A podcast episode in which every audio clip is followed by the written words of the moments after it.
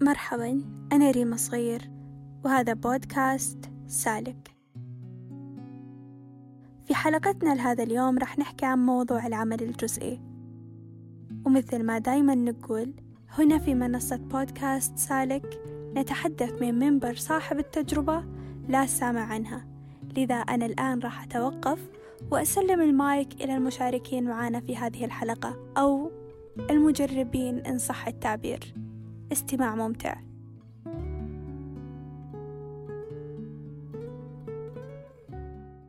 أهلا وسهلا وحياكم الله. طرح علي سؤال ماذا أتوقع من العمل أثناء الدراسة أن يكسبني من مهارات بعد التخرج؟ والحقيقة هذا السؤال موسع ومجاله كبير لأن المؤهلات اللي ممكن الطالب يكتسبها آه، قبل تخرجه جدا كبيرة. بالنسبة لي أنا شخصيا أرى المؤهلات أرى أن المؤهلات اللي ممكن أكتسبها أنا أو ممكن تفيدني بعد التخرج لما أعمل. أولها أني أني اكتسبت أنا الآن مهارة العمل تحت الضغط. أنا وفقت بين دراستي وشغلي. آه، يكسبني مهارة اللي هو التعامل مع الناس التعامل مع المدراء التعامل مع الموظفين وحتى مع العملاء. يكسبني حتى مؤهلات إني صار عندي خبرة سواء كانت خبرتي في مجال عملي أو لا. لأن في كثير طلاب ممكن يشتغل في آه، بيئة تختلف عن تخصصه. فبالتالي ممكن المؤهلات هذه تتكيف على حسب خبرته. مثال أنا أعمل مثلا في قسم قانوني أنا آه، اكتسبت مهارة أو مؤهلات كتابة العقود كتابة المذكرات الترافع. فهذه مؤهلات صعب جدا أن إحنا نكتسبها من دراستنا فقط تكتسب من العمل. فالمؤهلات اللي أتوقع من عملي إنه آه، يكسبني إياها بعد التخرج جدا واسعة جدا كبيرة تتشعب لأمور عديدة جدا. أولها وأهمها أن أعطاني مؤهلات التعامل مع المدراء. مؤهلات اللي هو كيف أنجح في المقابلة الوظيفية مؤهلاتي في معرفة بيئة العمل لأن مهما كان الخريج يعتبر مستجد على بيئة العمل. لكن عملك مسبقا يؤهلك لهذا الموضوع. آه، طبعا المؤهلات تختلف حسب كل بيئة زي ما قلت سابقا تختلف حسب آه، كل عمل أنت اشتغلته حسب دراستك ونقاط متشعبة جدا. لكن أنا أتوقع أن يكسبني مهارات عديدة تميزني عن أي خريج آه، بيتخرج معي. أنا طالب جامعي وموظف في كوفي كباريستا. بتكلم عن سلبيات العمل مع الدراسة. طبيعي في البداية كان في ضغط وتعارض بالوقت ولكن نظمت وقتي بالدوام الجزئي بالشكل الصحيح. على مدار الأسبوع. ومن بعدها اختفت جميع السلبيات.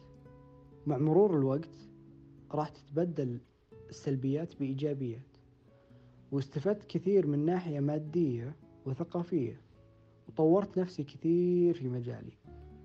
وبحكم أني أعمل كباريستا أضافت لي خبرة في فن التعامل مع الآخرين والانسجام في بيئة العمل.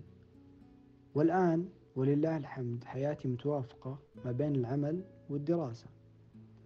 وأنصح الجميع بتنظيم الوقت وتطوير الذات. شكرا لكم.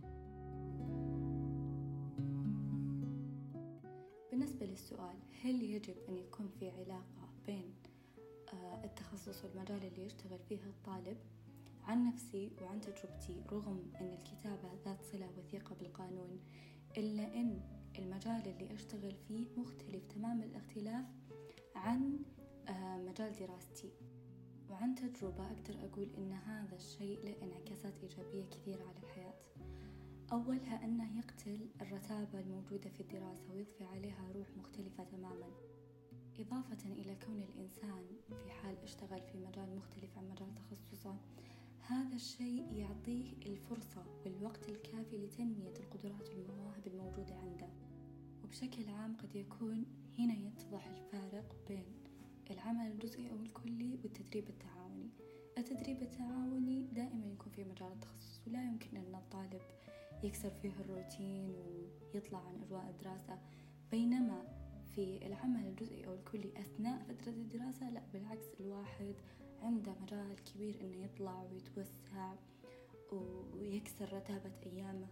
وأصلا العمل خارج مجال التخصص يعطيك فرصة إنك تكتشف أشياء جديدة داخل نفسك وتقرر قرارات جديدة. ممكن إنه حتى يفتح لك فرص إنك أصلا أنت آه، ما تشتغل مجال تخصصك بعدين. فهذا الشيء مرة حلو حلو إن الواحد يعيش تجربتين في نفس الوقت. ولو رجع فيني الزمن أكيد راح أختار إني أشغل هذه الوظيفة رغم اختلافها عن مجال تخصصي. بالنسبة للإيجابيات اللي ممكن يتحصل عليها الطالب من خلال العمل في كثيرة وأنا بصفتي اشتغلت بكذا مجال مثل مجال المطاعم ومجال الاتصالات ومجال التوصيل ومجال المستلزمات الرجالية. لمست فيها التجارب عدة إيجابيات وأبرز هذه الإيجابيات ما يتعلق بالكسب المادي اللي تحصله من الوظيفة. الفلوس اللي تجيك من الوظيفة. كيف تقدر تستغلها كطالب آه، في آه، وسائل التعليم الذاتي مثل الكتب والدورات وما إلى ذلك.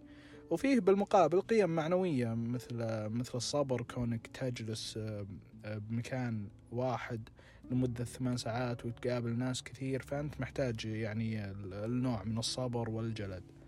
آه، وأيضا من القيم المعنوية قيمة ضبط الوقت وترتيبه والاهتمام بالمواعيد فتكون عندك الدقيقة غالية. عكس لو كنت عايش آه، مثلا بفراغ أو أو يعني ما عندك أولويات آه، فتشابه الأوقات عليك غير لما تكون يعني ملتزم بمواعيد. آه، ومن القيم أيضا آه، مقابلة الجمهور مخالطة الناس وهذا يعني يكسبك آه، جرأة بالحديث والنقاشات واطلاع أوسع على الواقع اللي اللي حولك. ومن القيم أيضا التغلب على مشكلة التسويف كونك طالب يعني وأعتقد يعني كلنا نعاني من هذه المشكلة. كون كون إن الوقت المتاح لك لإنجاز تكاليفك الدراسية محدود فأنت تسعى جاهد لاستغلال هذا الوقت. يعني آه، كونك مرتبط بدوام مثلا ثمان ساعات وعندك فترة مثلا الصباح فاضي فأنت تجتهد قد ما تقدر عشان تخلص تكاليفك بفترة الصباح. ولا تسوف لأنك عارف أنك إذا سوفت ما راح تنجز. وشكرا لكم.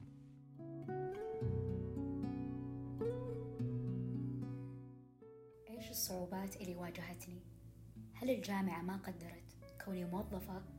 أم جهة عملي ما قدرت إني طالبة؟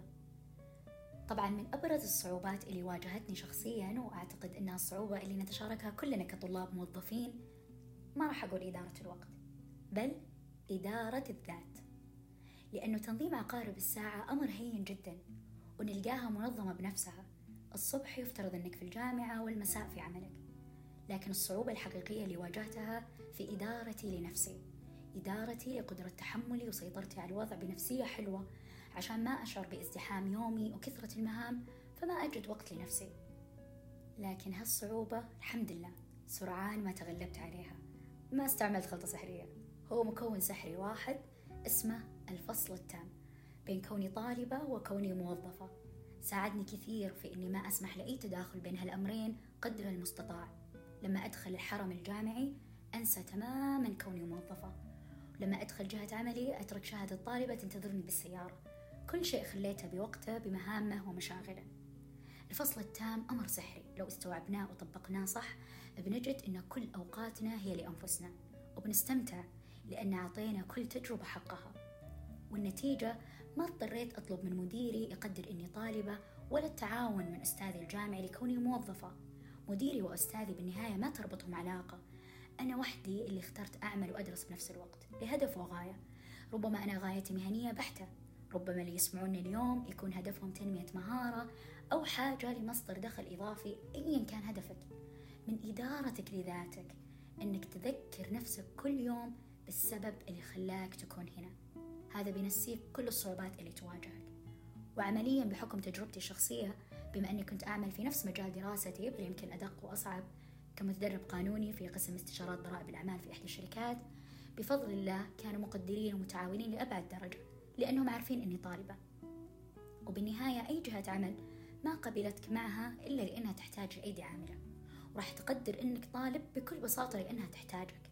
أنت عليك أنك تقابل هالتقدير بإخلاصك وتفانيك في عملك والأهم من ذلك ما تقصر في دراستك. وزن الكفتين صح واجعلهم متساويين قدر المستطاع لأنك تحتاجهم كلهم. تذكر الهدف والغاية اللي رسمتها في بالك. يلا حية أنا موظف في مؤسسة بيت الموهبة مدير العلاقات العامة والإعلام. الدراسة ليست عائق للوظيفة والوظيفة ليست عائق للدراسة. أبانا أول يقولون كنا ندرس ونشتغل ونذاكر ونتابع البيت وكلها في فترة واحدة. كيف؟ شلون باختصار نظم وقتك. يومي الدراسي يبدأ الساعة 8 الصباح. أحضر محاضراتي أشارك مع الدكتور وأتناقش مع أصدقائي عن مواضيع المحاضرة. وينتهي يومي الدراسي الساعة واحدة الظهر.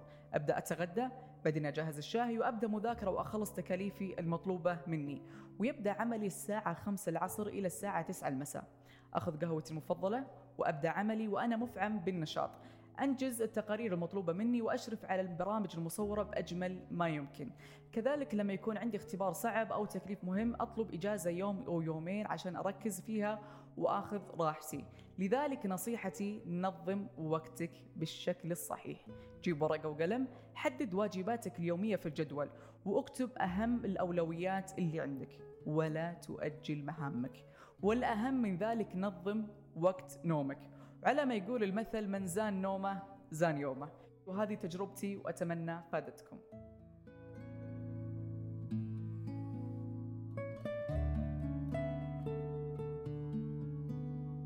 تابعونا على حسابات بودكاست سالك عبر منصات التواصل الاجتماعي تويتر، SoundCloud، iTunes. وشاركونا آراءكم حول موضوع العمل الجزئي.